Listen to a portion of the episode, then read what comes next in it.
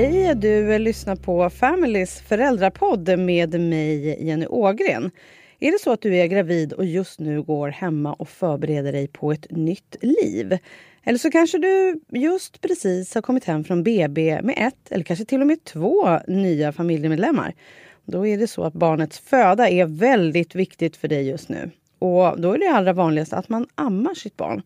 Jag har själv två kids som jag ammade i cirka sex månader. Men hur funkar det med amning? Och är det verkligen bättre att amma än att flaskmata? Med mig för att snacka om amning så har jag Elisabeth Hjärtmyr som är barnmorska och amningsspecialist. Elisabeth, när man är gravid, hur tycker du att man ska förbereda sig på amning? Ja men det är ju så här att eh, när man är gravid så kanske kan vara så att man fokuserar väldigt mycket på födseln. Eh, för det är det som kommer allra först. Mm. Förstås.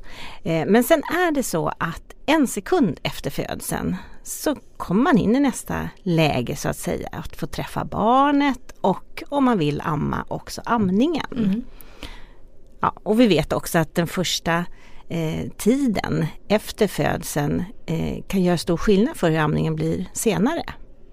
Hur menar du då? Jo men därför är det bra att inhämta kunskap under graviditeten. Så att eh, till exempel eh, vet vi att det är mycket forskning kring den första amningen. Eh, och till exempel vet vi att det är bra att barnet ligger mycket hud mot hud och då är det säkert med fria luftvägar. Men så snart det är möjligt, alltså så snart efter den vaginala födseln eller efter kejsarsnittet så får barnet ligga som en groda på magen mellan brösten. Mm.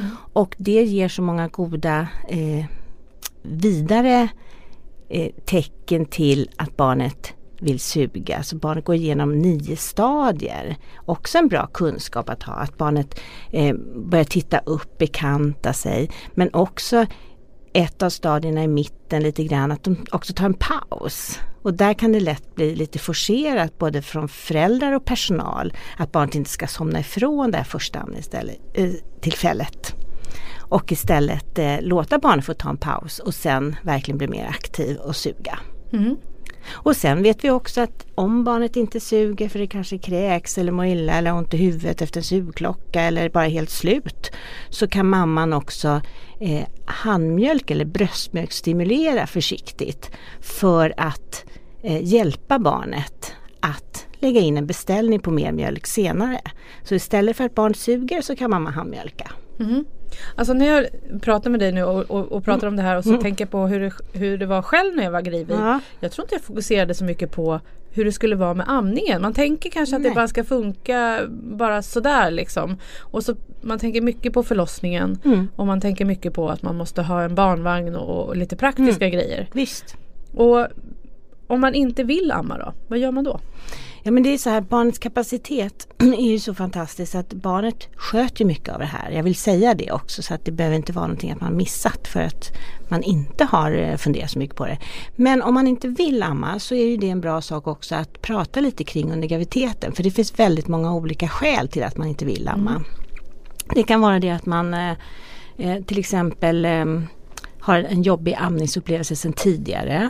Då kan det vara en väldigt bra sak att avsätta en tid och prata om hur var den amningsupplevelsen, kan man göra en annorlunda? Vill jag prova eller vill jag absolut inte? Men det kan också vara att man har bestämt sig av jämställdhets eh, anledning mm. att eh, eh, pappa partner också ska ge barnet mat. Och då kan man fundera kring det. Vill man pumpa då så, ba så barnet får bröstmjölk fortfarande eller vill man ge på flaska? Och jag är väldigt ödmjuk för föräldrars val. Mm. Men det är väldigt viktigt tycker jag någonstans, eller betydelsefullt att man har fått information så att det inte blir ett val man gör tidigt som man sen inte riktigt har tänkt igenom. Eh, för det möter jag många gånger på amningsmottagningen sen när det krånglar. Mm. Att många säger att varför visste jag inte det här? När man vill delamma eller inte amma. Ja jag förstår. Um, och om man då tänker så här att uh, jag tänker på hur mycket förbereder ni barnmorskor blivande mammor och partners och pappor liksom att att amma eller inte amma. För jag, mm. för jag kände så här, ja men hur var det egentligen? Nu kommer inte jag ihåg så länge så det var ett tag sedan. Mm. Men, men frågan eh, dyker ju upp eh, dels redan vid inskrivningen Mm. eh, men också lite i mitten och sen har man en gruppinformation på väldigt många ställen, föräldrautbildning. Eh, men också att man knyter ihop säcken lite grann på slutet kring just funderingar.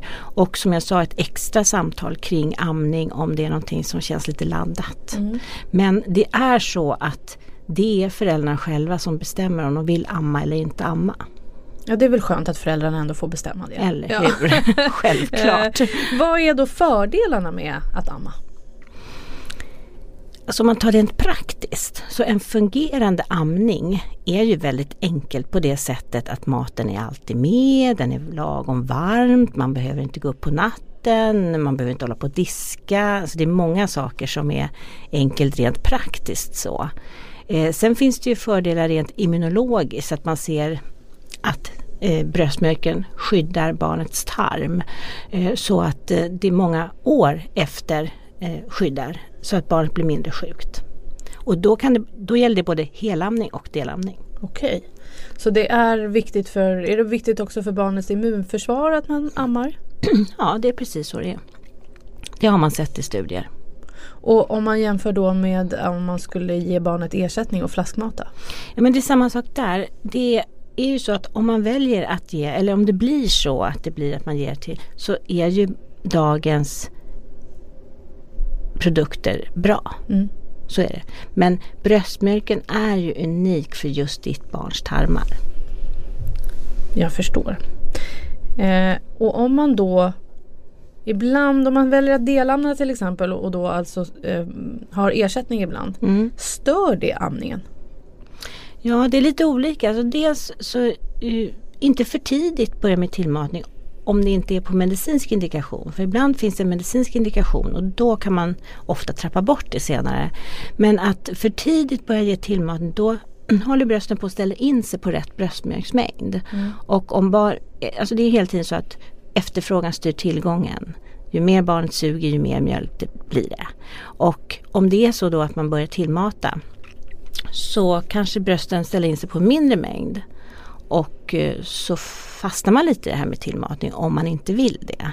Okej. Eh, så att alltid ge signaler till brösten. Om man vill fortsätta att amma och så ger man tillfälligt tillägg. Då ska man alltid stimulera bröstet också genom att handmjölka eller handpumpa. Men eh, det kan också vara så att eh, det är senare som man provar att ge. Det kanske är ett något speciellt tillfälle som gör att man ger eh, modermjölksersättning. Och då kan det vara så att eh, det ibland går bra att göra några enstaka gånger. Men vissa barn är snabba på att ta det lilla greppet om nappflaskan och sen när det kommer till bröstet så tar det lilla greppet. Och då kan eh, vissa mammor känna en stor skillnad, att det blir mer smärtsamt. Så det får man ju också lyssna in lite grann. Mm. Alltså, för jag kommer ihåg, mitt första barn eh, vägde nästan inte ens 2,6 kilo. Så Mm. vi fick ju till mata, är det det du Ja, säger? Tillmata precis. henne då eh, var tredje timme. Mm. I alla fall under hela tiden när vi var, fortfarande var på BB. Mm. Och då kände jag så här, då tänkte jag kanske sen att liksom, ja, men då kanske det kommer vara lättare för henne att eh, bli lite flaskmatad sen Mm. framöver. Nu ville jag ju amma Mm. och eh, det gick ju väldigt bra för mig. Peppa, eh, Mm. peppa, peppa Mm. jag, nu är det över. Men, eh, sen, men sen du vet så här, när man någon gång ville liksom lämna över Mm. till pappan och jag skulle försöka pumpa ut. Mm. Och det kunde ta mig kanske två dagar Mm. att ens få ut inte ens en deciliter. Nej. Finns det något trick? Ja, alltså det är så här att barnet suger alltid upp mer än vad man släpper ifrån sig till handen eller till en pump. Mm. Det är väldigt bra att veta. Så det är många som beskriver precis som du gör att det kommer ingenting. Nej. Och så vet man ändå att barnet klunkar och faktiskt blir mätt många gånger. Men de knep man kan göra, för det finns ju ibland situationer där man kanske måste pumpa, när man inte har barnet hos sig. Och då kan det vara en bra sak att ha någonting som barnet har haft hos sig så, så att man liksom kan få en doftförnimmelse eller ha en bild på barnet. Ehm, ehm, jag hade en, en mamma häromdagen, hon spelade in barnets skrik för då märkte hon när hon satte på mobilen med skriket, då kom mjölken. Då rann det till Så att det är enkelt. lite, lite och, har, och har man barnet så att man kan ha barnet i närheten så kan det också vara en bra sak att lättare släppa ifrån sig mjölken. Ah, intressant. Det här hade jag behövt höra då. Ja. För en massa år sedan när jag höll på med det där. Eh, Elisabeth, du jobbar ju på en mottagning som har specialiserat sig på mammor som har problem med amningen och som verkligen vill amma. Mm. Kan alla amma? Alltså amningen handlar om så många olika saker och eh, mm, jag hinner inte ta allt nu Nej. men det är just de här första dygnen som är betydelsefulla. Men det är också att eh, alla barn är olika och amning har väldigt mycket med hur barnet tar tag, hur barnet suger, hur barnet gör tungrörelser. Så det är många, många saker som spelar in. Och hur starten blev. Så att eh, från början kan man säga att alla kan. Men det är väldigt många saker som kan påverka att man kanske inte kan av olika anledningar.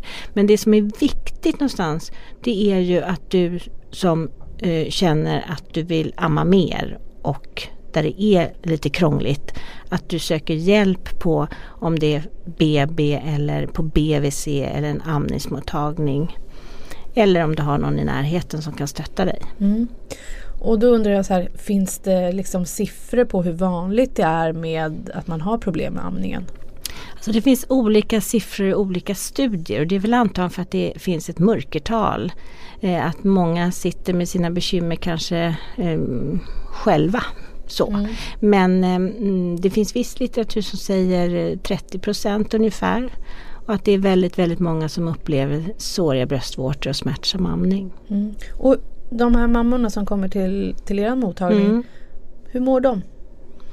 Eh, många har ju haft en ganska tuff tid. Eh, barnet eh, suger ju många gånger och eh, att varje gång utsätta sig för smärta när barnet eh, blir hungrigt det är ju en jobbig upplevelse. Eh, ibland är det också att barnen inte tar bröstet och det är ju också väldigt stressfullt. Eh, sen är det ju så här att barns skrik och barns eh, beteende går ju rakt in i mamma, pappa, partner, hjärtat. Mm. Eh, så att det mm, är många som känner sig ledsna och lite sorgsamma och har lite skuld över att det inte eh, fungerar riktigt som man vill. Nej. Och det är ju ofta de som vill amma som kommer då. Ja, och för det är ju så, alltså i samhället idag så, så är det fortfarande lite tabubelagt att prata om att man inte har lyckats med sin amning Mm. eller och då tänker jag att de behöver, får de liksom, har ni också samtal liksom så att de får komma till terapeuter eller på det sättet? Ja vi har den kontakten också men vi har ju väldigt mycket samtal hos oss Mm. också. Vi har, vi har ju en timmes besök så att man verkligen hinner prata och vi har återbesök och upp, telefonuppföljningar och sådana saker. För att precis som du säger så är samtalet en stor del också. Känner, kan du, får de hjälp när de kommer till er? Lättare Ja, de allra flesta på något sätt. Mm. Alltså det blir ju väldigt på individnivå. Det är ju det som är så Mm. bra. Vi ser vad, vad är det för mamma vi har framför oss? Vad är det för bröst? Vad är det för barn? Eh, och familj förstås. Eh, så att man kan lägga på en individnivå hur just den här mamman upplever det och hur just det här barnet beter sig. Eh, det är ju väldigt många mammor idag också som inte vågar lita riktigt på att man har tillräckligt med mjölk. Eh, Jag brukar säga att man skulle nästan vilja ha genomskinliga bröst med graderingar för att verkligen veta hur mycket barnet eh, får i sig. Mm. Och då blir det ju snarare att se till att barnet blir nöjt efter en amning, att det kissar och bajsar och mår bra. Och det är inte alltid så lätt. Nej, speciellt inte om, om det kanske om man är första gångs mamma. Precis. Så kan jag tänka mig och också då eh, att man inte riktigt vet hur det ska vara eller hur det Nej. kan fungera och då kanske det är svårt för folk att eh, faktiskt kontakta vården Mm. och det, det är väl det som jag tycker att vi verkligen ska förmedla här nu. Det är Mm. att man söker stöd så att man inte eh, sitter för mycket själv och kanske inte läser allt för mycket på nätet. För det kan bli väldigt mycket godtyckliga egna erfarenheter från andra mammor. Alltså på, viss, på vissa Vissa gånger är det toppenbra att höra att andra är i samma situation och man kan få lite tips men ibland kan det bli lite mycket också upplever jag att mammor kan tycka som kommer. Ja, det, det vet jag väl att man har läst på väldigt många sajter mm. om eh, att det finns alltid några supermoms som mm. brukar eh, kunna eh, ha lite åsikter mm. och ibland får man ju verkligen hjälp på ja, nätet men precis. ibland kan man ju också känna sig väldigt utsatt. Men mm. så då är tipset, har du problem med amningen Sök, Sök hjälp. Stöd. Det är inga konstigheter. Och sen, hur länge ska man amma då? Ja, finns det, det någon regel? Nej, det gör ju inte det. Det finns ju Eh, alltså barnet klarar sig på enbart bröstmjölk och D-vitaminer i sex månader. Det är det vi vet. Mm. Sen är det väldigt, väldigt mycket upp till denna mamma och barn och familj hur länge man ammar. Det är väldigt mysigt när det funkar. När det fungerar så är det fantastiskt. Så vad är dina tips då avslutningsvis till blivande och nyblivna mammor? Ja men det är just det här att under graviditeten inhämta kunskap. Lite eh, prata kring hur man tänker sig eh, att man vill göra. Sen kan man inte planera det fullt ut för man har inte träffat barnet under graviditeten. Och eftersom det handlar mycket om barnet. Eh, men också att eh, landa när man kommer hem med sin nyfödda bebis. Eh, det låter lite klyschigt men att verkligen vila, ha barnet mycket hud mot hud, lära känna. Ehm, man kan vara lite gråtmild första dagarna, inte bli rädd för det. Utan att ehm, ja, lära känna barnet och ta en paus. Ja, tack Elisabeth Eh, hjärtmyr för dina råd, tips och tankar kring det här med amning. Och är det så att du som lyssnar känner att du behöver stöd och hjälp med amningen så prata med din barnmorska, din partner eller någon annan så du känner att du får den hjälp som finns att få. Vill du också höra mer om livet som förälder så finns det fler avsnitt av Familys föräldrarpodd där du hittar poddar. Tack för att du har lyssnat. Jag heter Jenny Ågren.